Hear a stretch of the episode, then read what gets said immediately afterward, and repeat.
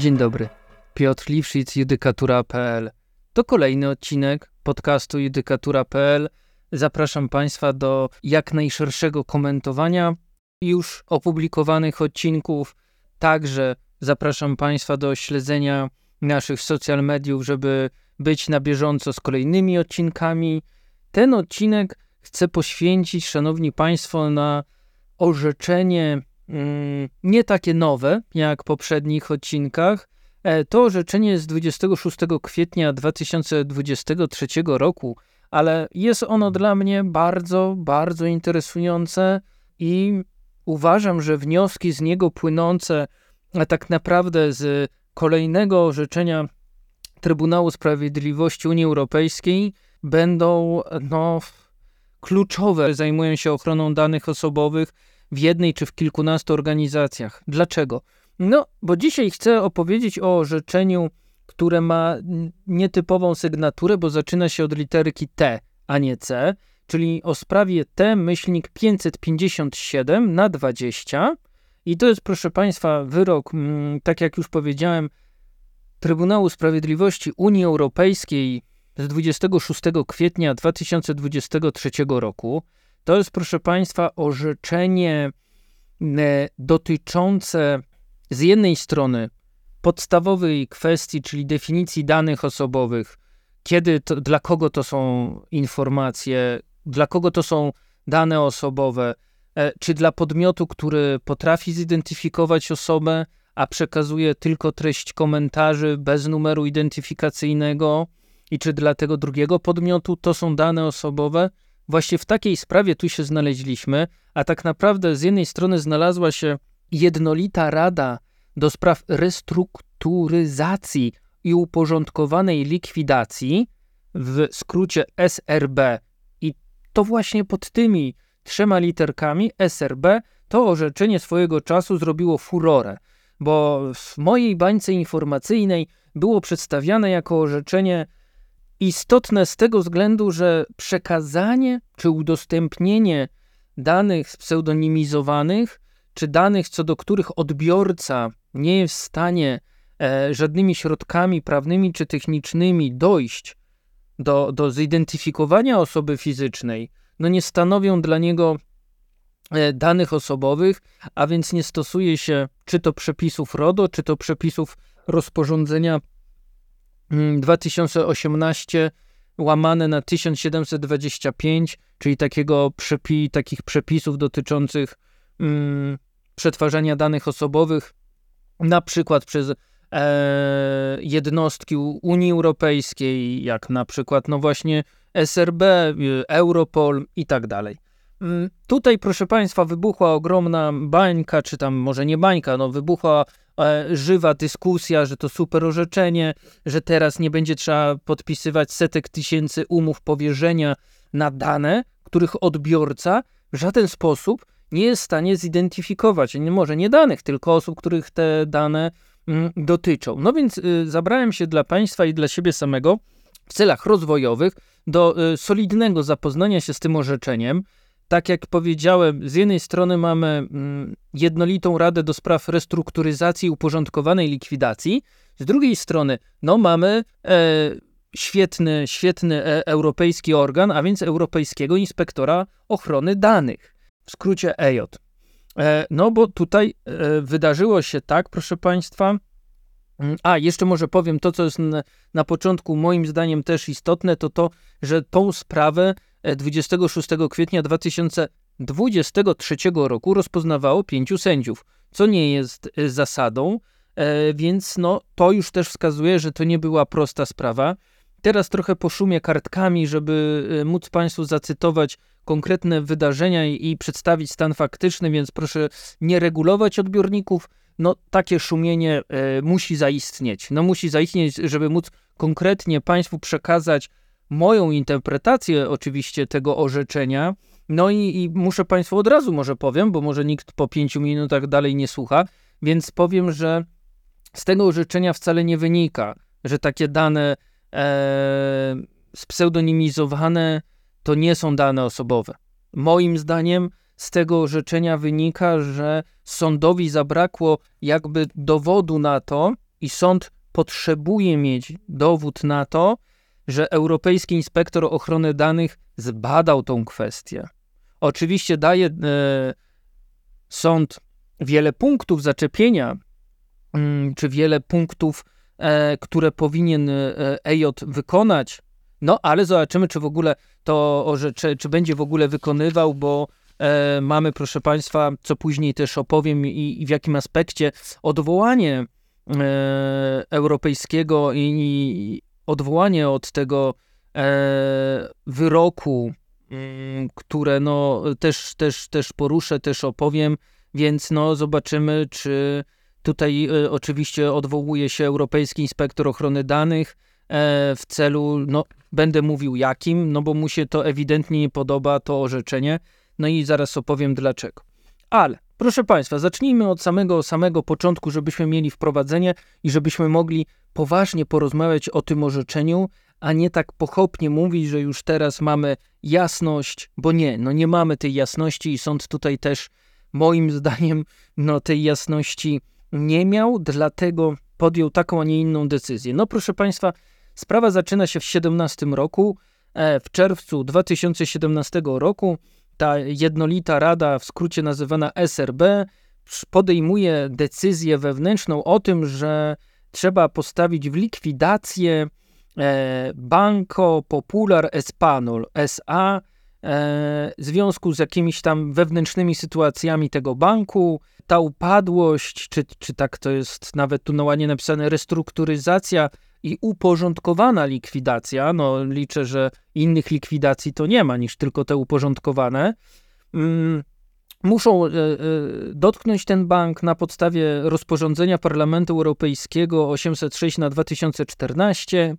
E, no i ta komisja, mm, ta rada, może tak powiem, ta jednolita rada SRB podejmowała pewne decyzje, wewnętrzne, żeby ten bank, czy kapitał, czy uratować wierzycieli tego banku i zgodnie z pewnymi przepisami mm, Unii Europejskiej zaistniała, proszę Państwa, konieczność przyznania akcjonariuszom i wierzycielom tego banko, jak to ładnie jest, Banco Popular, Mm, no, pewnej rekompensaty, co jest jasne, no i ta rekompensata, żeby była wypłacona, trzeba policzyć, kto ile ma tego długu w tym banku. No więc e, SRB podjęło decyzję o rozpoczęciu procedury e, dotyczącej bycia wysłuchanym przez tych akcjonariuszy i wierzycieli, to znaczy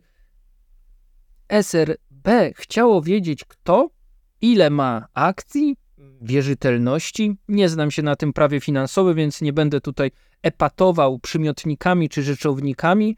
No ale ta, proszę Państwa, procedura wysłuchania składać się miała i składała e, z dwóch faz. Pierwsza faza to jest tak zwana faza rejestracji. To znaczy, że w tej fazie rejestracji każdy zaangażowany akcjonariusz i wierzyciel e, został wezwany do wyrażenia interesów w skorzystaniu z prawa do bycia wysłuchaną, wysłuchanym za pomocą, proszę Państwa, internetowego formularza rejestracyjnego. I tutaj był termin e, do końca września 2018 roku. Trzeba było taki e, formularz i rejestracyjny wypełnić. Następnie Rada e, SRB miała sprawdzić, czy każda ze stron, która wyraziła interes, proszę Państwa, to jest bardzo ważne, rzeczywiście miała status zaangażowanego akcjonariusza lub wierzyciela. I teraz przechodzimy do drugiej fazy. Ona tu jest nazywana w tym orzeczeniu fazą konsultacji. To jest taka faza, gdzie zaangażowani akcjonariusze i wierzyciele, których status już wcześniej został sprawdzony i potwierdzony, potwierdzony, że te osoby mogą się dalej wypowiadać, no to te zweryfikowane osoby mogliby, proszę Państwa, przedstawić swoje uwagi na temat tej decyzji wstępnej e, oraz wyceny, no rozumiem, że tych wierzytelności czy, czy majątku tego banku mm, e, Popular, Banco de Popular i mając te dwie fazy, no ważne jest proszę Państwa też to, że e, w fazie rejestracji ci zaangażowani akcjonariusze i wierzyciele zamierzający skorzystać z prawa do bycia wysłuchanym powinni przedstawić e, do Rady SRB dokumenty potwierdzające, że w dniu restrukturyzacji i uporządkowanej likwidacji posiadali jeden lub kilka instrumentów kapitałowych Banco Popular, które zostały umorzone lub poddane konwersji mm, do banku Santander SA. No i co jest ważne, dlaczego to cytuję? Bo tu jest, proszę Państwa, obowiązek przedłożenia dokumentu tożsamości i dowodu własności jednego z tych instrumentów. No więc, e, proszę Państwa, e, sytuacja wygląda tak, że mamy dwie fazy: fazę rejestracji i fazę konsultacji. W trakcie dokonywania fazy rejestracji na stronie internetowej, w tym formularzu internetowym, SRB umieścił obowiązek informacyjny. Co jest bardzo ważne, jednym z tych elementów tego obowiązku byli odbiorcy danych osobowych, i od tego się zaczęła cała sprawa i skargi e, zgłaszane do EJODA, za czym zaraz o czym opowiem oczywiście, ale tu jest ważne, że proszę Państwa, mm, dane zebrane w fazie rejestracji te e, dowody tożsamości uczestników, dowody własności umorzonych instrumentów e, były dostępne tylko bardzo niewielkiej liczbie pracowników tej organizacji europejskiej, mm, którzy mieli za zadanie zakwalifikować konkretnego, mm, konkretną osobę do udziału w tej całej strasznie skomplikowanej procedurze restrukturyzacyjnej. Dane te nie były widoczne dla mm, pracowników, proszę Państwa, tej y, agendy, może tak to powiem w skrócie, agendy europejskiej, które były odpowiedzialne za przetwarzanie uwag otrzymanych w fazie konsultacji. Może nie powiedziałem, o czym jest ta druga faza. Ta faza konsultacji polegała na tym, że jak już jesteś zweryfikowany, to możesz opowiadać, czy też wnosić, e, konsultować wycenę banku, e, no i e, konsultanci, czyli ci pracownicy SRB, którzy widzieli komentarze, to oni widzieli, proszę Państwa, e, jedynie uwagi, czyli tekst uwag, e, w związku z, proszę Państwa, możliwym do zidentyfikowania za pomocą kodu alfanumeryty, alfanumerycznego, przepraszam, który składał się z 33 cyferek losowo wygenerowanych w momencie otrzymania odpowiedzi na formularz. Czyli pracownicy administratora danych są podzieleni na dwie grupy.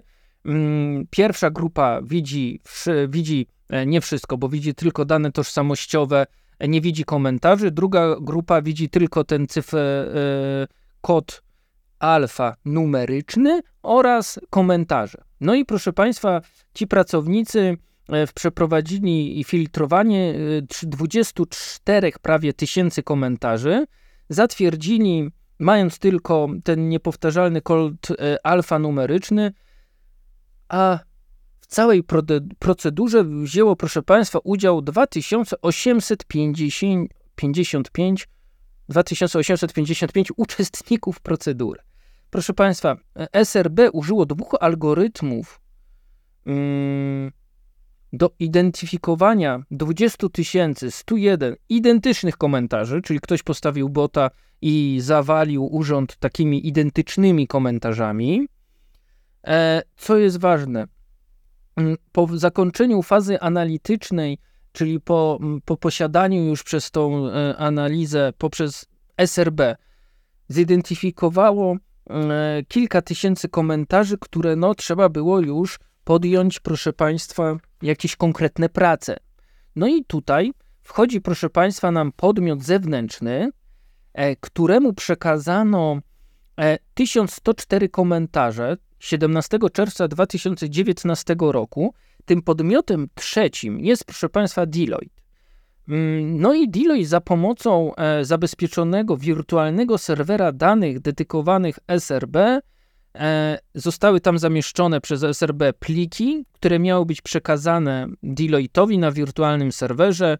E, SRB udziela dostępu do tych plików ograniczonej i kontrolowanej liczbie pracowników Deloitte'a którzy są bezpośrednio zaangażowani w ten projekt. Oni dostali 1104 komentarze.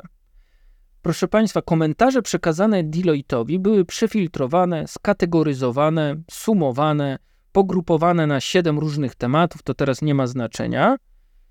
Yy, Deloitte, proszę Państwa, nie miał możliwości ustalenia, czy komentarz został sformułowany przez jednego czy kilku uczestników postępowania.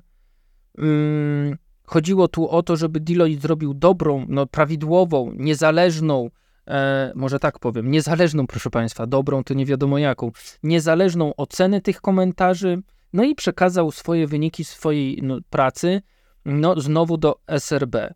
Komentarze, proszę Państwa, przekazane Deloitte'owi dotyczyły wyłącznie tych otrzymanych w fazie konsultacji i były opatrzone kodem alfanumerycznym, tak jak powiedziałem, składającym się z 33 e, losowo wybranych mm, cyferek. No i za pomocą tego kodu SRB jako jedyny mogła powiązać komentarze z danymi otrzymanymi w fazie rejestracji. Deloitte, według tego co mówi nam SRB, mm, nie miał i nadal nie ma dostępu do bazy danych zgromadzonych w fazie rejestracji. Co się wydarzyło? No, proszę Państwa, yy, jak to ładnie szybko powiedzieć, może w październiku i grudniu 2019 roku pięciu zaangażowanych akcjonariuszy i wierzycieli, e, którzy brali udział w tych dwóch fazach, czyli przez ten formularz internetowy dali swój dokument e, tożsamości, dowody na to, że mają jakieś tam akcje czy wierzytelności, napisali swoje komentarze, złożyło do Europejskiego Inspektora Ochrony Danych skargi. Przede wszystkim, proszę Państwa, skarżyli się e, na to, e, że mm, no po pierwsze może powiem tak, skarżyli się na podstawie nie RODO, bo to jest ważne, skarżyli się na podstawie rozporządzenia Parlamentu Europejskiego i Rady Unii Europejskiej 2018 na 1725 z 23 października 18 roku w sprawie ochrony osób fizycznych w związku z przetwarzaniem danych osobowych przez instytucje, organy i jednostki organizacyjne Unii i swobodnego przepływu takich danych oraz uchylenia rozporządzenia WE numer 45 na 2001 i decyzji numer 1247 na 2002 na WE. Czyli pięć osób skarży się do e, europejskiego JODA e, na, proszę Państwa, powołując się na fakt, że administrator danych osobowych, czyli SRB, nie poinformował ich o tym, że dane zebrane w wyniku odpowiedzi zostaną przekazane osobom trzecim, a mianowicie e, Deloitte'owi, co stanowiło naruszenie warunków oświadczenia o ochronie prywatności. No więc tutaj mamy, proszę Państwa, naruszenie artykułu 15 ust. 1 literka D rozporządzenia 2018 na 1725 według tych osób skarżących.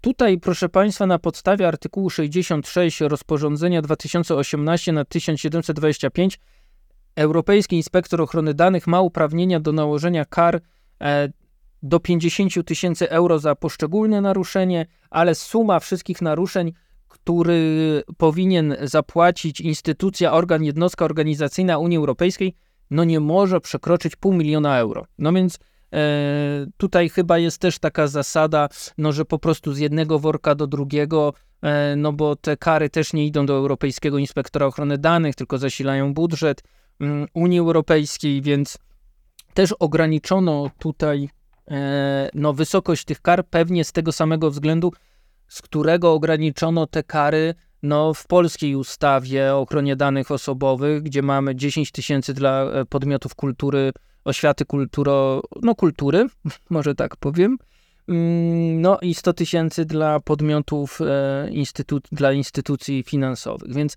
wiemy, że w najgorszym wypadku SRB mogłoby otrzymać administracyjną karę pieniężną, no właśnie w wysokości za każde naruszenie do 50 tysięcy euro, razem pół miliona nie mogłoby być więcej.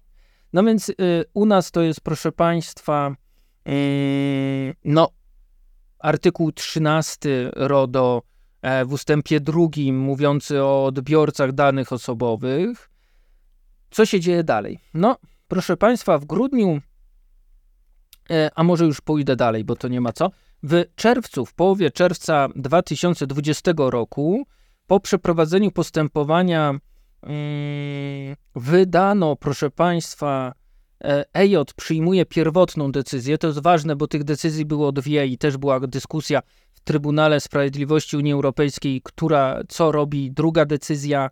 To też później opowiem, ale pierwsza decyzja, proszę Państwa, tu ładnie nazwana pierwotną e, decyzją, e, uznał Europejski Inspektor Ochrony Danych, uznał, proszę Państwa, że administrator naruszył artykuł 15 rozporządzenia 2018 łamane na 1725, ponieważ nie poinformowała ta jednostka, ta rada, skarżących w oświadczeniu o ochronie prywatności o możliwości przekazania danych do Deloitte'a, danych osobowych. W związku z tym e, EJ wez, wezwał SRB do usunięcia tego naruszenia.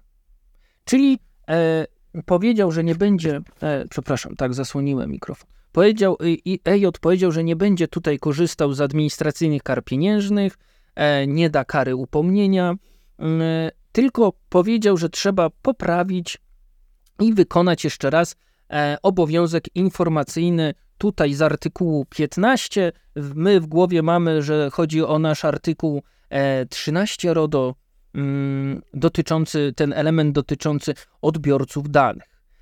Mamy, proszę Państwa, później sytuację, w której w lipcu 2020 roku SRB zwraca się do inspektora, Europejskiego Inspektora Ochrony Danych o ponowne rozpatrzenie mm, sprawy, bo y, tutaj, proszę Państwa, e, sytuacja wygląda tak, że na wewnętrznie przyjętych regulacjach Europejskiego Inspektora Ochrony Danych w zakresie prowadzenia takich postępowań jest trochę inaczej niż u nas i jest trochę inaczej niż w tym KPK e, i tym, że u nas jest jednoinstancyjne postępowanie i decyzja prezesa Urzędu Ochrony Danych Osobowych jest mm, ostateczna. Tutaj EJ sobie tak napisał swój, może to nie jest dobre słowo status, ale procedurę dochodzeniową, może lepsze, mm, że no pozwala napisać taki wniosek o ponowne rozpatrzenie. E, proszę Państwa, mamy drugą decyzję. E, ona zapada 24 listopada 2020 roku. Proszę zwrócić uwagę, no pół roku od pierwszej, więc bardzo, bardzo szybko ten organ działa. No i w tej, proszę Państwa, e, drugiej decyzji, no jest ciekawe e, sformułowanie, bo inspektor, e, Europejski Inspektor Ochrony Danych przyjmuje mm, zmienia, może tak, zmienia pierwotną decyzję w następujący sposób. Ja to przeczytam, bo jest to bardzo skomplikowane i niestety moim zdaniem tutaj, tutaj tłumaczenie tego orzeczenia na język polski zawiodło. Niestety zawodzi nas tu, jeszcze to Państwu opowiem, w kilku innych sytuacjach to samo orzeczenie zawodzi e, i o tym będę mówił, bo, bo są, mm, są błędy, są błędy.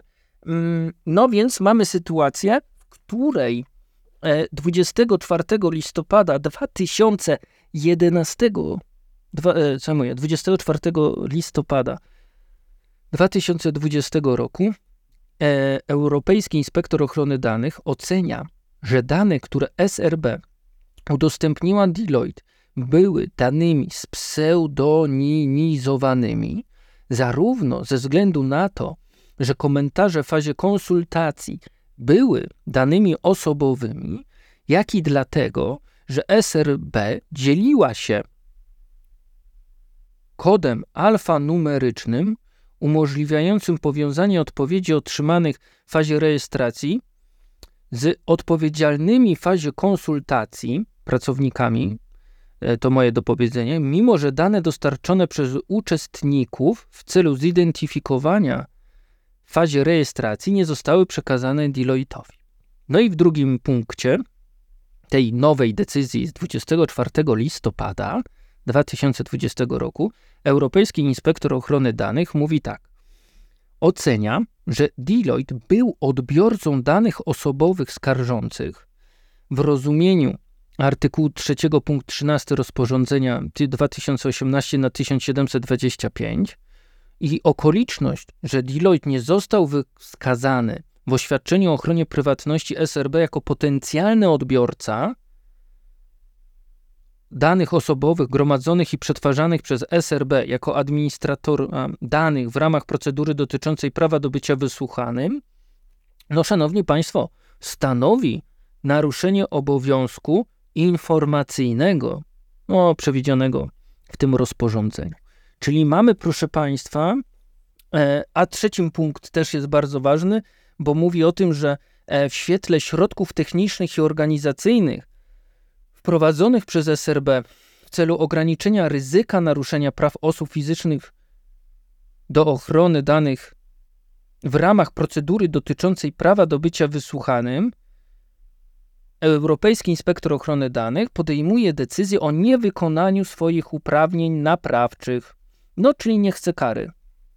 No i co się wydarzyło? No, proszę Państwa, była na początku duża dyskusja o tym, kto o co wnosi do CUE, bo no, na początku było tak, że e, SRB wnosi do sądu o stwierdzenie nieważności zmienionej decyzji, o stwierdzenie niezgodności decyzji pierwotnej z prawem, obciążenie e, Europejskiego Inspektora Ochrony Danych kosztami postępowania, wniósł do sądu o oddalenie skargi i obciążenie SRB kosztami. No więc, proszę Państwa, co się dzieje? Sąd, no nie ma łatwego zadania. Na początku oczywiście to nie ma może dużego znaczenia dla tego tematu, który ja wybrałem, czyli czy te dane, mm, czy, czy, czy dane spseudonimizowane e, w takiej sytuacji, w jakiej mamy tutaj do czynienia w tym stanie faktycznym, no, wymagają, wchodzą w zakres danych osobowych. Mm, no wiemy, że no, dużego wyboru to my nie mamy e, i tak jak brzmi, no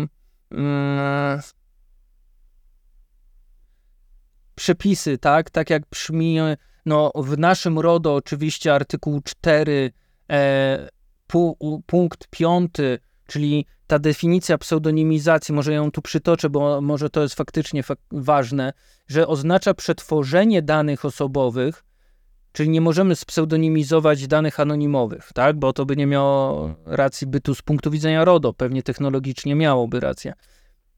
Oznacza przetworzenie danych osobowych w taki sposób, by nie można było ich już prze przypisać konkretnej osobie, której dane dotyczą, bez użycia dodatkowych informacji, pod warunkiem, że takie dodatkowe informacje są przechowywane osobno i są objęte środkami technicznymi i organizacyjnymi uniemożliwiającymi ich przypisanie zidentyfikowanej lub możliwej do zidentyfikowania osobie fizycznej.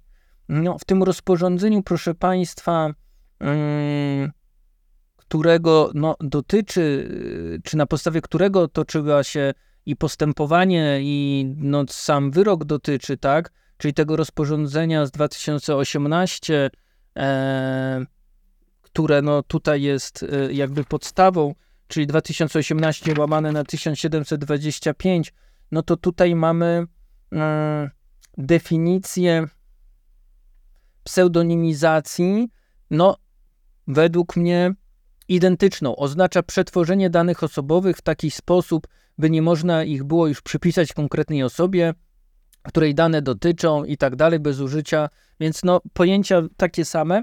I co robi sąd? No sąd na początku się zastanawia, e, szanowni państwo, co jest przedmiotem skargi? Czy ta decyzja pierwotna, czy ta decyzja e, druga? E, ogólnie mogę tu powiedzieć, że e, Trybunał Sprawiedliwości uznał, tak jakby to się odbyło u nas, gdyby no, e, byliśmy jeszcze, gdybyśmy byli w czasach GIODO, że mieliśmy e, dwuinstancyjną, e, dwuinstancyjne postępowanie przed prezesem UODO, no, że ta druga decyzja niweluje tą pierwszą. Czyli tutaj CUE mówi, że no, tej pierwszej decyzji nie ma, zostaje nam druga decyzja. I to jest ważne. To, co chcę powiedzieć dalej, no to proszę Państwa, jest to, że yy, nasza wersja językowa, polska wersja językowa e, artykułu trzeciego punkt pierwszy e, tego rozporządzenia 2018 na 1725 no jest błędna, nie zawiera tego słowa eny, czyli wszelkie. mm, wszystkie inne wersje językowe naszego tego rozporządzenia zawierają, więc możemy powiedzieć, że no, jesteśmy tutaj przekonani, że mm, ta definicja pojęcia danych osobowych między RODO a rozporządzeniem 1725, że takie będę nazywał, no nie istnieje, nie ma tej różnicy. No ale SRB podnosiło tutaj, podnosi dwa zarzuty. Y, pierwszy dotyczy naruszenia właśnie definicji e, ochrony danych, oso ochrony danych osobowych, definicji danych osobowych, ze względu na to, że e, według tego administratora danych informacje przekazane Deloitte'owi nie stanowiły danych osobowych. No, zarzut drugi dotyczy naruszenia prawa do dobrej administracji, o którym mowa w artykule 41 mm, Karty Praw Podstawowych. Ten zarzut pominiemy, nas nie interesuje. Mm, sąd mówi, że trzeba stwierdzić, że w zmienionej decyzji EJ zakwalifikował jako dane osobowe wszystkie uwagi przedstawione przez zaangażowanych akcjonariuszy i wierzycieli w fazie konsultacji i nie ograniczył swojej oceny wyłącznie do informacji przekazanych yy, Deloitte'owi. Tymczasem, proszę Państwa, w zakresie, w jakim EJ twierdzi, że doszło do naruszenia artykułu tego obowiązku informacyjnego, no trzeba pomyśleć, że trzeba wskazać może, tak powiem lepiej, że ta zmieniona decyzja dotyczyła wyłącznie braku w oświadczeniu o ochronie danych wzmianki co do e. Tak? Czyli tutaj CUE mówi nam, czy pyta nas na razie samych siebie, samego siebie może tak pyta, czy te informacje przekazane Deloitte'owi były danymi osobowymi, bo jeżeli nie były, to nie doszło do ich przekazania i nie ma, Deloitte nie ma statusu odbiorcy, a więc no, e, obowiązek informacyjny jest prawidłowy. No, e, Trybunał mówi dalej, że e, w zmienionej decyzji e, Europejski Inspektor Ochrony Danych nie zbadał jednak ani treści, ani celu, ani skutków informacji przekazanych do Deloitte'a. Ograniczył się bowiem do wskazania, że uwagi przedstawione przez skarżących w fazie konsultacji odzwierciedlały ich opinie lub stanowiska, czyli to były moje informacje, moje, e, moje przemyślenia, moje wierzytelności. Ja o nich opisałem, czyli to odzwierciedlało moje opinie lub stanowiska, i już tylko na tej podstawie stwierdził, że stanowią one e, dane dotyczące e, tych osób, znaczy lepiej, dane dotyczące, że stanowią informacje, które dotyczą tych osób, e, co wystarcza do uznania takich informacji za ich dane osobowe. Na rozprawie EJ potwierdził, że jego zdaniem każda opinia osobista stanowi dane osobowe, Przyznał on również, i to co jest ważne, że nie zbadał treści uwag przedstawionych przez skarżących w fazie konsultacji, czyli nie czytał tych komentarzy, czyli nie wie, nie ma treści, e, nie badał, no rozumiem, że nie ma dostępu do treści, którą no Deloitte otrzymał, tak? Czyli nie wie tak naprawdę, co jest treścią tych komentarzy. No tu oczywiście mm, Całe orzeczenie TSUE, które dzisiaj Państwu przytaczam, w jakichś e, mniejszych czy większych fragmentach, opiera się o orzeczenie, orzeczenie pana w sprawie pana Nowaka C434 na 16, które zostało wydane 20 grudnia 2017 roku. Tutaj sąd je rozkłada kilkakrotnie na czynniki pierwsze. Wskazuje na przykład to, co podkreśliłem, że, mm, że, że e, wniosek, że opinia może być uznana za dane osobowe, musi, nie może opierać się na domniemaniu, lecz musi opierać się, proszę Państwa, na badaniu mającym na celu ustalenie trzech elementów. Po pierwsze, czy ze względu na swoją treść, po drugie cel, po trzecie skutek. Punkt widzenia wskazany w tych komentarzach jest związany z określoną osobą. E, co jest dalej? No proszę Państwa, dalej jest e, jeszcze trudniej, że tak powiem, e, bo Trybunał Sprawiedliwości Unii Europejskiej odnosi się do orzeczenia także pa, w sprawie pana Brejera z 16, 19 października 2016 roku, które odnosiło się jeszcze do artykułu 2 litera A dyrektywy 9546 WE. E, pokazuje tutaj o tych kwestiach numerów IP.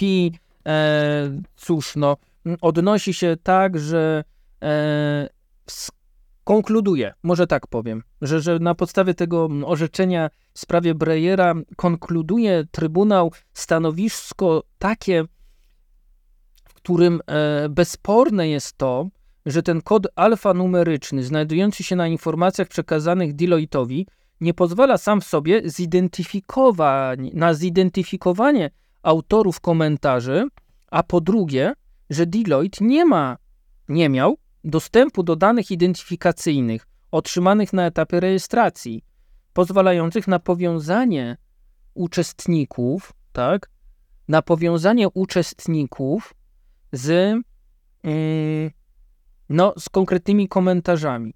Europejski inspektor danych wskazuje, że w tej zmienionej decyzji i potwierdza na rozprawie, że dodatkowe informacje niezbędne do identyfikacji autorów komentarzy to dwa elementy: kod alfanumeryczny i baza danych identyfikacyjnych. No, coś musimy porównać z czymś. Y, coś porównujemy z czymś, czyli wiemy, y, że jakiś kod dotyczy czegoś. Mm, no, przepraszam, tutaj dotyczy kogoś, e, no, co jest bardzo, bardzo ważne i e, no, jest dla nas e, clue tej sytuacji, tak? Co jeszcze tu chcę powiedzieć? No, przejdźmy do orzeczenia. Yy,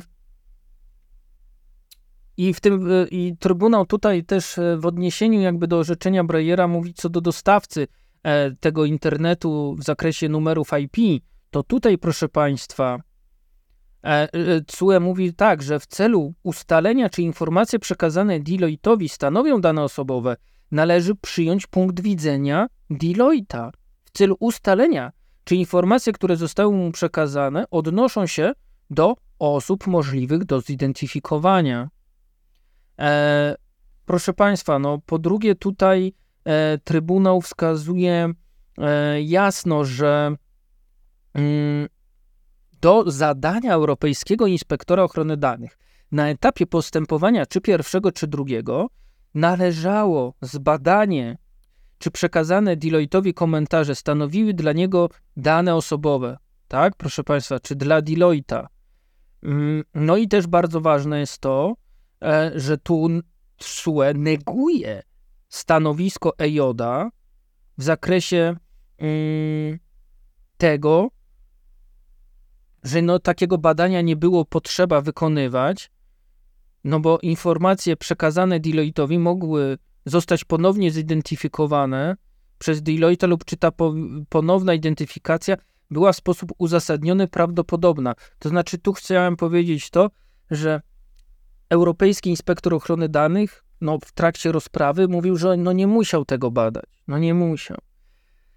No a stanowisko Trybunału zapadło takie, e, że do e, organu nadzorczego, tu w, przypadku, w tym przypadku Europejskiego Inspektora Ochrony Danych, należało ustalenie czy możliwość połączenia informacji, które zostały przekazane Deloitte'owi, z dodatkowymi informacjami będącymi w posiadaniu SRB stanowiły środek, który Deloitte w sposób uzasadniony mógł prawdopodobnie wykorzystać w celu zidentyfikowania autorów komentarzy.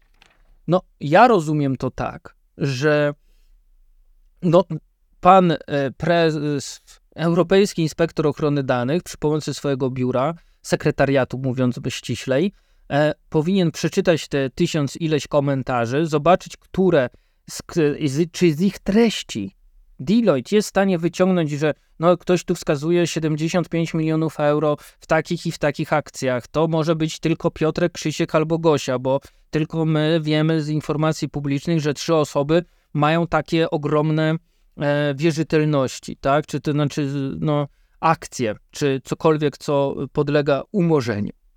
E, według Trybunału, e, ponieważ IJ nie zbadał, czy Deloitte dysponował środkami prawnymi i wykonalnymi w praktyce, które umożliwiałyby mu dostęp do dodatkowych informacji niezbędnych mm, do ponownej identyfikacji autorów, nie było podstaw do takiej decyzji. I sąd tu wskazuje, proszę Państwa, a może lepiej mówiąc bardziej e, konkretniej, sąd stwierdził, proszę Państwa, nieważność zmienionej decyzji, to jest jasne, że zmienionej, a nie, tej pierwotnej, e, stwierdził nieważność zmienionej decyzji, mm, no i tak zakończył swoją rolę.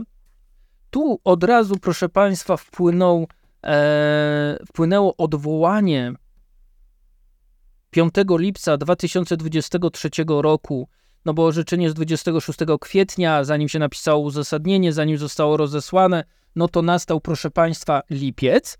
No i jak nastał lipiec, to mamy do przeczytania odwołanie. To odwołanie złożył, jak jest jasne, Europejski Inspektor Ochrony Danych.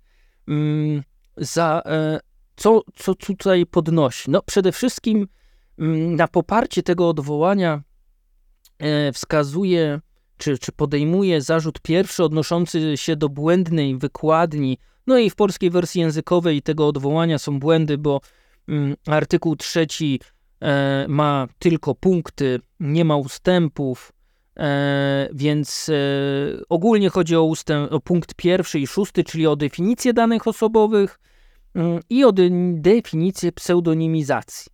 Czyli EJ zarzuca, że Trybunał w tym orzeczeniu, które Państwu dzisiaj opowiedziałem, o którym opowiedziałem z 26 kwietnia 2023 e, roku no, zostało źle użyte przez Trybunał, e, a po drugim zarzutem, znaczy po drugie, EJ twierdzi, że dokonano błędnej wykładni po pierwsze zasady rozliczalności danych osobowych, no a po drugie, mm, proszę Państwa, odpowiednich środków e, organizacyjnych i technicznych związanych z zabezpieczeniem danych osobowych i nic więcej Państwu o tym nie mogę opowiedzieć, bo nie znamy e, uzasadnienia tego odwołania, zapewne nie poznamy. E, musimy czekać cierpliwie e, na orzeczenie. No jeżeli sprawa wpłynęła 5 lipca 2023, no to myślę, że tutaj mm, no, dwa lata, dwa lata czekania na takie orzeczenie to pewnie będzie w sam raz. No mogę tu jeszcze powiedzieć tak, dwie rzeczy jeszcze na koniec tylko opowiem. No po pierwsze, hmm, po pierwsze to będzie, proszę Państwa, to, że nie jest to pierwsza sprawa, e, która dotyczy udostępniania, przekazywania mm, danych e, spseudonimizowanych. Mamy takie orzeczenie C268 na 21, to jest wyrok z 2 marca 2023 roku, więc tuż przed tym orzeczeniem e, w sprawie SRB, no to w tym orzeczeniu, proszę Państwa, C268 na 21 doty, sprawa dotyczyła norm Stockholm. Stockholm. E, Szwecji sytuacja wyglądała tak, że były dwie firmy. Jedna zap, e, chciała, hmm, jak to ładnie powiedzieć, kupiła e, postawienie budynku, wybudowanie budynku biurowego od drugiej firmy. Jak się zakończyła budowa biurowca, to ta firma budowlana wystawiła rachunek. E, ta firma, e, która otrzymała ten budynek, zakwestionowała ten rachunek, mówiąc, że tyle godzin to ci ludzie tu nie przepracowali. W związku z tym, że szwedzkie prawo o, zobowiązuje do prowadzenia elektronicznych rejestrów pracowników na budowie. Taki rejestr zawiera, proszę Państwa, tożsamość, imię, nazwisko i krajowy numer PESEL. Mm, no to w trakcie postępowania sądowego e, Fastek, który wybudował biurowiec dla firmy Nykande, e, powiedział, że e, no nie udostępni mm, nie udostępni tego rejestru, bo tam są dane osobowe pracowników. E, Nykandy, czyli ten odbiorca budynku, powiedział, że nie chce płacić tych godzinówek, bo uważa, że tak nie ma. A sąd, proszę Państwa, rejonowy e, który zobowiązał trzecią firmę, wiem, że skomplikowane, no ale trzecia firma to Entrol i ta trzecia firma prowadziła tą bazę danych e, pracowników, czyli godziny wejścia, wyjścia z budowy. Mm, no i sąd pierwszej e, instancji zobowiązał tą trzecią firmę do przekazania oryginałów rejestrów elektronicznych bez żadnych e, dopuszczalnych zmian. No i Sąd Najwyższy Szwecji e, miał problem, czy tak na pewno można e, otrzymać w postępowaniu cywilnym e, dane pracowników. E, no i proszę Państwa, e, napisał pytanie, czy ta zmiana celu, czy ten artykuł 6 ustęp 3 i 4 RODO to jest ok, że tutaj sąd, ten cywilny prowadzący to postępowanie cywilne w sprawie zapłacenia za te godziny przepracowane na budowie, to może czytać te dane osobowe pracowników, czy nie? Orzeczenie CUE jest, proszę Państwa, jak zwykle takie, że e, ten artykuł 6 ustęp 3 i 4, czyli zmiana celu przetwarzania danych osobowych, ma zastosowanie w ramach sądowego postępowania cywilnego, a to do sądu krajowego.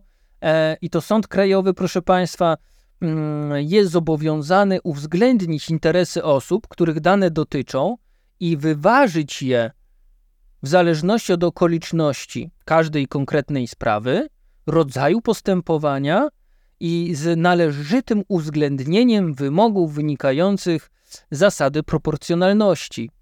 Czyli moim zdaniem CUE mówi sądzie, e, najwyższy sądzie Szwecji, jeśli pod trzy, jeśli stwierdzisz, że do tego y, sporu cywilnego niezbędne jest wiedzieć, czy Piotr Lifshitz numer PESEL taki i taki wchodził na budowę 17 razy, czy ci wystarczy wiedzieć, ile ludzi weszło, o której godzinie, żeby asystent sędziego czy sędzia policzył, e, może biegły e, matematyk, czy biegły z zakresu prawa, e, z, no, z dziedziny dotyczącej e, budownictwa, no mógł, proszę Państwa, policzyć, e, czy to żądanie zapłacenia tych godzin na budowie jest uzasadnione, czy nie, więc mamy taką odpowiedź e, Trybunału, jak to zwykle, a sam sobie nie stopniuję.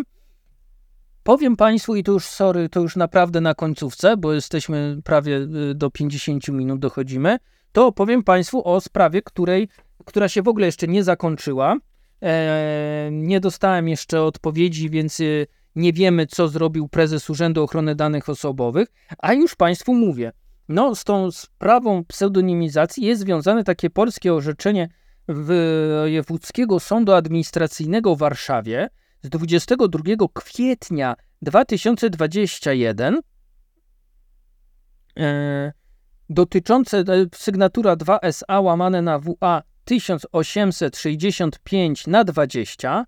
Proszę Państwa, to orzeczenie e, no jest bardzo, bardzo ciekawe. W swoim czasie e, wielokrotnie o nim pisałem. To jest, proszę Państwa, orzeczenie mówiące o numerach umów kredytowych. Tym orzeczeniem, które było prawomocne i tutaj e, nikt go nie skarżył do NSA, e, Sytuacja wyglądała tak, że, a może powiem, że tym orzeczeniem uchylono decyzję e, pierwszej i drugiej instancji, bo jeszcze wtedy, proszę Państwa, tutaj mm, na początku były chyba, tak, była na początku decyzja GIODO, potem decyzja PUODO.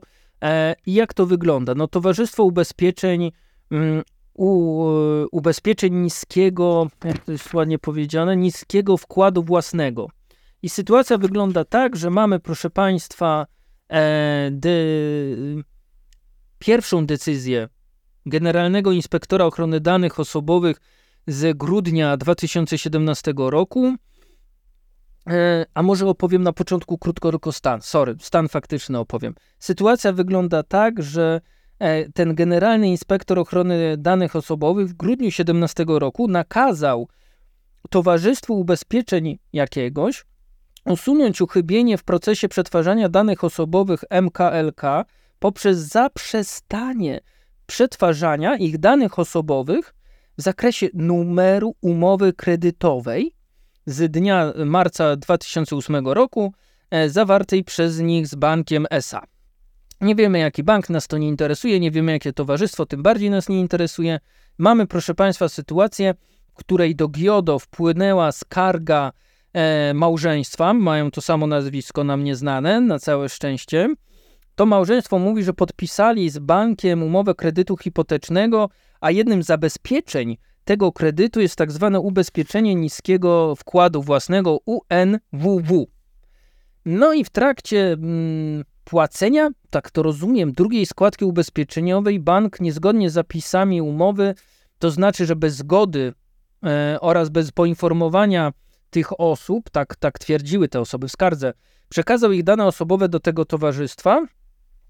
Tymczasem w umowie kredytowej według tych osób jest zapis mówiący o tym, że to ubezpieczenie będzie przekazywane przez bank do towarzystwa takiego, takiego, a nie innego. Tutaj mamy anonimizację full.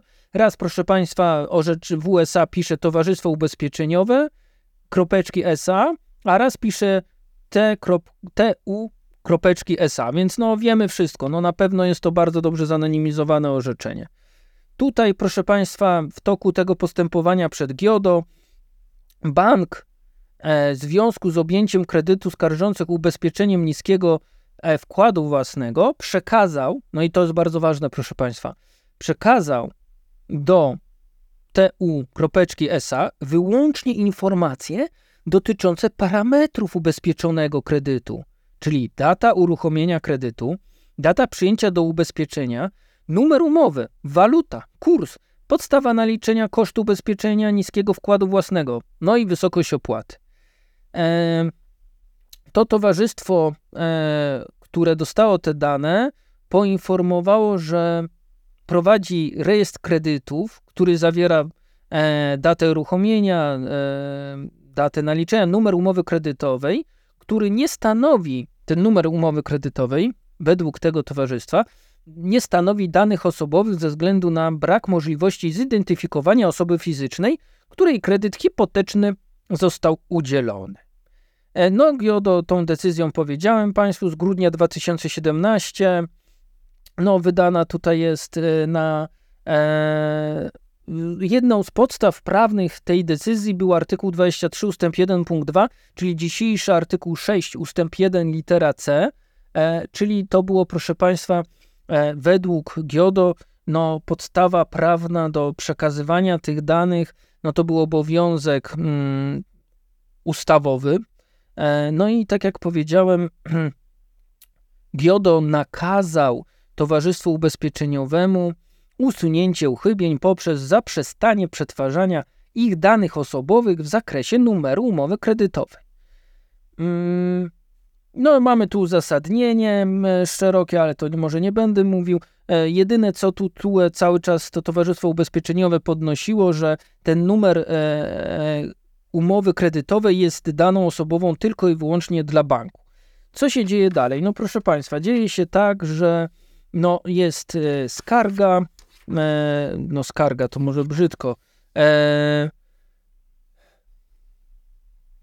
wniosek o ponowne rozpatrzenie sprawy.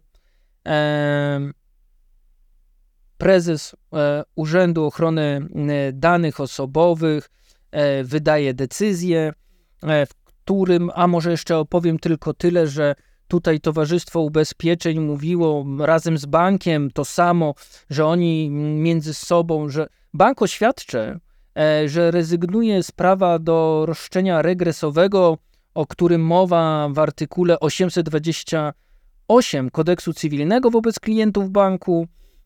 I tu chodziło o, o to, że, e, że jeżeli będzie trzeba, jeżeli bank będzie chciał uruchomić wypłatę ubezpieczenia dla siebie, bo to bank ubezpieczył siebie w tym procesie, nie klienta, tylko siebie, czyli to, co pożyczył, swoje pieniądze ubezpieczył, e, no to proszę Państwa, e, nie będzie już e, bank jakby dochodził roszczeniem regresowym, to tu ma tylko takie znaczenie według mnie, że wiemy, że bank nie przekazał towarzystwu danych osobowych wszystkich osób, które zawarły umowę, mm, no, przekazał ten numer umowy kredytowej. No i prezes Urzędu Ochrony Danych Osobowych wskazuje, że mm, kwestią sporną pozostaje to, czy numer umowy kredytowej, który przekazał bank do towarzystwa, stanowi daną osobową w rozumieniu ustawy o ochronie danych osobowych. No, tutaj, proszę Państwa, prezes urzędu stwierdził także, że numer tej umowy kredytowej stanowi taką daną osobową, ponieważ mm, na podstawie takiego numeru towarzystwo ma co najmniej pośrednią możliwość, pośrednią możliwość, bo może zapytać bank, mm, ustalenia tożsamości skarżących bez nadmiernych kosztów, czasu i działania. E, no, co tu się dalej wydarzyło? No, proszę Państwa, wiemy, że e, prezes urzędu jeszcze przyznaje, proszę Państwa, w uzasadnieniu swojej decyzji, że po samym numerze umowy kredytowej to towarzystwo nie byłoby w stanie ustalić tożsamości skarżących, jak również nie mogłoby tego zrobić w oparciu o roszczenie regresowe. Niemniej jednak zainicjowanie skargi przez to małżeństwo dało towarzystwu taką możliwość. No to tłumacząc to na takie bardziej dla mnie jasne słowa. Prezes UODO twierdził tutaj, w tej decyzji, e, że przez to, że te osoby e, napisały skargę do GIODO, czyli prezes UODO e, w lipcu 2020 roku, tak wykłada definicję danych osobowych, e, wskazując, że no, co prawda e, towarzystwo to po samym numerze nie mogło wiedzieć, co to jest, kto, kogo dotyczy ta umowa, ale przez to, że te osoby napisały skargę do organu administracji e, publicznej, czyli do e, GIODO i teraz do UODO, to to towarzystwo, które było stroną tutaj w postępowaniu, bo złożyło skargę do sądu administracyjnego, no a przede wszystkim, proszę Państwa, no też było stroną dlatego, że no to wobec tego towarzystwa została wydana decyzja nakazująca usunięcie danych osobowych. No to, że to jest właśnie ten element, dzięki któremu to towarzystwo zna dane osobowe. To znaczy, że skarga spowodowała mm, powiązanie numeru umowy kredytowej z danymi osób skarżących. Ja to pominę milczeniem, powiem, że e, no, jest to e, ciekawe stanowisko, jest to zawsze jakiś argument, a ja już tak głośno przerzucę kartki, bo przechodzę, proszę Państwa, do stanowiska sądu administracyjnego. No to jest jedno z lepiej, proszę Państwa, uzasadnionych orzeczeń. No tutaj w składzie mamy, proszę Państwa, no e, e, bardzo doświadczonych sędziów sądów, administ sądów administracyjnych, więc wiemy, że no inaczej być nie mogło. I co? No i tutaj, proszę Państwa, wiemy już, i Państwo już wiedzą, bo to już powiedziałem, doszło do uchylenia decyzji pierwszej i drugiej instancji. No więc e, prezes UODO coś zrobić musiał z tą skargą, ale jeszcze nie wiemy co.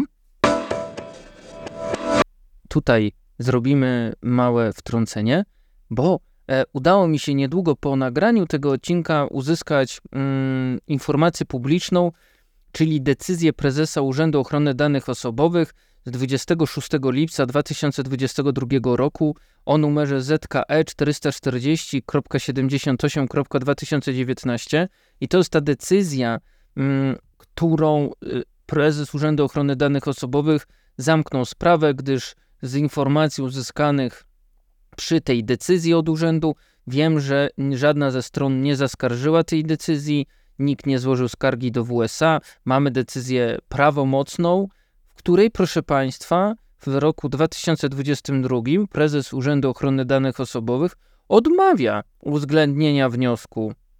Czyli wiemy, że dzisiaj, no dzisiaj, no, w lipcu 2022 roku prezes urzędu miał in, ma inne zdanie niż w grudniu 2017, gdy Generalny Inspektor Ochrony Danych Osobowych nakazał usunięcie uchybień w procesie przetwarzania danych osobowych, bo stwierdził istnienie danych osobowych. Wiemy też, że ma inne zdanie niż już ten sam organ, czyli prezes Urzędu Ochrony Danych Osobowych, e, a wypowiedziane to zdanie było ten pogląd w lipcu 2020 roku poprzez utrzymanie tej decyzji z grudnia 2017 i w tej decyzji, którą teraz otrzymałem, proszę Państwa, no możemy przeczytać tak naprawdę podsumowanie orzeczenia e, Wojewódzkiego Sądu Administracyjnego, o którym cały ten podcast prawie nagrałem, e, więc tego nie będę powtarzał. Powiem tylko tak, że tu prezes UODO mówi wprost, że informacja może stanowić e, daną osobową samodzielnie lub w zestawieniu z innymi informacjami, które łącznie umożliwiają określenie tożsamości danej osoby fizycznej. W świetle powyższej definicji, tej na gruncie przepisów RODO, jak i na gruncie uchylonej ustawy z 1997 roku, należy przyjąć, że danymi osobowymi nie będą więc pojedyncze informacje o dużym stopniu ogólności, na przykład nazwa ulicy czy też numer domu. Informacja ta będzie jednak stanowić daną osobową tylko wówczas, gdy zostanie zestawiona z innymi dodatkowymi informacjami, które w konsekwencji będzie można odnieść do konkretnej osoby. Czyli, i tu dalej prezes, czyli prezes UODO mówi, że to jest y, ten numer konta, numer um, umowy kredytowej, proszę zwrócić uwagę, no jest informacją ogólną. I mówi tak prezes y, UODO, że w jego ocenie sam numer umowy kredytowej w niniejszej sprawie nie jest daną osobową dla towarzystwa ubezpieczeniowego, ponieważ nie dotyczy osoby fizycznej zidentyfikowanej lub możliwej do zidentyfikowania przez ten podmiot. Towarzystwo ubezpieczeniowe nie dysponuje żadnymi środkami umożliwiającymi zidentyfikowanie skarżących w oparciu o numer umowy kredytowej. No i jest tu tutaj nawiązanie, proszę Państwa, także do tego artykułu 828 kodeksu cywilnego. Jest tu też w tej decyzji z lipca 22 nawiązanie do artykułu 104 ust. 5, czyli do tajemnicy bankowej i braku tego e, e, zgody na ujawnienie. E, no i zwrócić uwagę na e, trzeba, że w tej decyzji pada bardzo ważne zdanie i dlatego e, jej no, podstawą albo jej e, komparycją jest to, że odmawiano, odmawia się uwzględnienia wniosku, no to to zdanie, proszę Państwa, brzmi tak, że mm, prezes Urzędu Ochrony Danych Osobowych przyjmuje, że bank nie udostępnił towarzystwu danych osobowych, jak również e, w rozumieniu czy ustawy z 97 roku, czy z RODO, i tym samym nie doszło do naruszenia przepisów o ochronie danych osobowych. Z materiału dowodowego zgromadzonego w niniejszej sprawie wynika, że zapisy umowy ubezpieczenia niskiego wkładu portfela kredytów hipotecznych zawartej pomiędzy towarzystwem a bankiem wyklucza, a wtedy wykluczały możliwość przekazania przez bank informacji umożliwiających identyfikację danych osobowych kredytobiorców z uwagi na brak ich zgody na ujawnienie tychże informacji. Mm. Ważne jest to, że ten argument, o którym e, towarzystwo czy prezes Urzędu Ochrony Danych Osobowych mówił, że Towarzystwo Ubezpieczeniowe powiązało numer e, umowy kredytowej z danymi osobowymi, bo się toczyło postępowanie administracyjne w roku 17, 20, no i jak widać w 22, no, e, schodzi na dalszy etap, gdyż e, no, jest to przetwarzanie legalne, e, nie jest to przetwarzanie związane z udostępnieniem numeru e, umowy kredytowej, ale jest to przetwarzanie związane z e, postępowaniem administracyjnym. Tym krótkim mm, wtrąceniem przekazuję e, e, Państwu najnowsze informacje, jakie otrzymałem z urzędu e, i idziemy dalej z podcastem. Dziękuję. Tutaj sąd mówi tak. Oprócz tego, że podjął się sąd wypowiedzi na temat przepisów interporalnych, czyli artykułu 160 ust. 2 ustawy z 10 maja 2018 roku, co ma teraz dla nas drugorzędne znaczenie, to, po, to bardzo ważne jest dla mnie to, co sąd pisze dalej, że musimy rozsądnie podejść do tego, co jest daną osobową, a co nie. Tutaj sąd pisze, że obowiązkiem organu ochrony danych osobowych w ramach postępowania ze skargi była zasadność, była ocena, proszę Państwa, była ocena zasadności zarzutów ich skargi, a zatem ustalenie, czy doszło do nieuprawnionego udostępnienia, a jeżeli tak, to czy towarzystwo e, ubezpieczeń nadal przetwarza dane osobowe, nie mając do tego podstawy prawnej. No i co jest clue tego orzeczenia? No, według sądu z uzasadnienia zaskarżonej decyzji prezesa UODO wynika, że w dacie wniesienia skargi Towarzystwo Ubezpieczeń nie przetwarzało ich danych osobowych.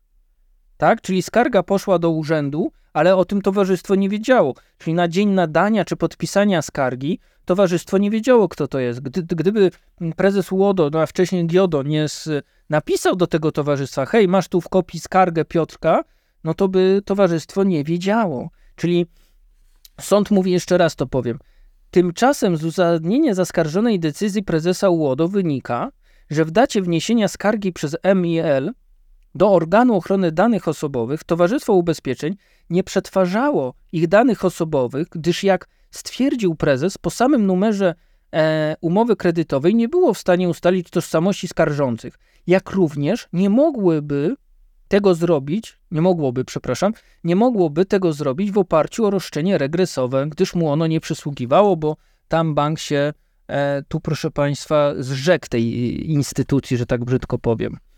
No i proszę Państwa, co jest dalej?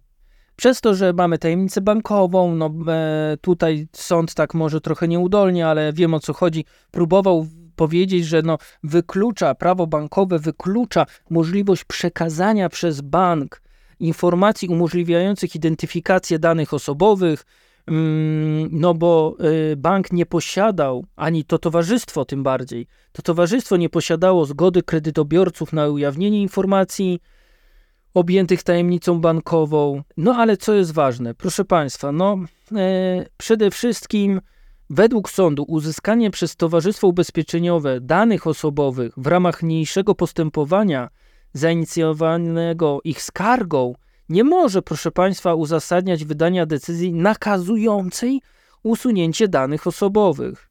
No, e, mamy teraz, proszę Państwa, inną podstawę. Obecnie przesłanką legalizującą przetwarzanie tych danych osobowych jest, szanowni państwo, prawnie uzasadniony interes towarzystwa w postępowaniu polegający na, czy dotyczący postępowania administracyjnego i sądowo-administracyjnego. Tym samym nie ma podstaw do twierdzenia, by Towarzystwo Ubezpieczeniowe przetwarzało obecnie dane osobowe bez podstawy prawnej. No więc, proszę Państwa, no wiemy, słyszymy, że e, sprawy są bardzo ciekawe w związku z tą pseudonimizacją czy przekazaniem tych danych. Racjonalnie, może nie racjonalnie, bo to każdy ma swoją racjonalność, że tak powiem.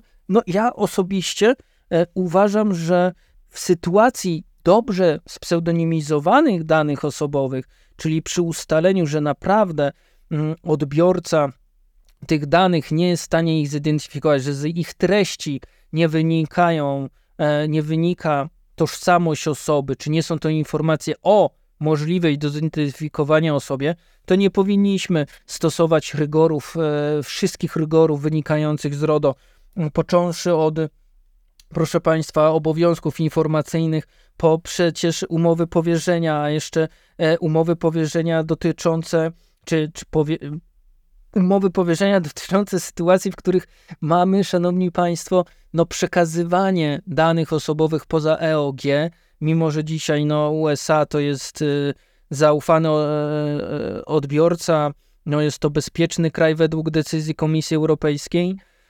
Zobaczymy jeszcze jak długo. To ja osobiście uważam, że y, robienie na siłę z takiego odbiorcy podmiotu przetwarzającego nie jest bezpieczne dla podmiotów danych osobowych nie służy moim zdaniem podniesieniu bezpieczeństwa przetwarzania ich danych osobowych, no też nie mityguje w żaden sposób ryzyk związanych z przetwarzaniem takich danych, które nie są danymi osobowymi. Ja mogę powiedzieć o przykładzie, o którym kiedyś słyszałem, że e, tutaj w Europie e, lekarze wykony, czy tam technicy wykonywali badania, mamografię to się chyba nazywa, czy jakieś prześwietlenie e, wysyłali poza Europę, chyba do Indii. Tam pracownicy wykwalifikowani, którzy całą dobę pracowali, oceniali to, co widzą i przesyłali z powrotem do Europy, do szpitala czy do tej prywatnej przychodni.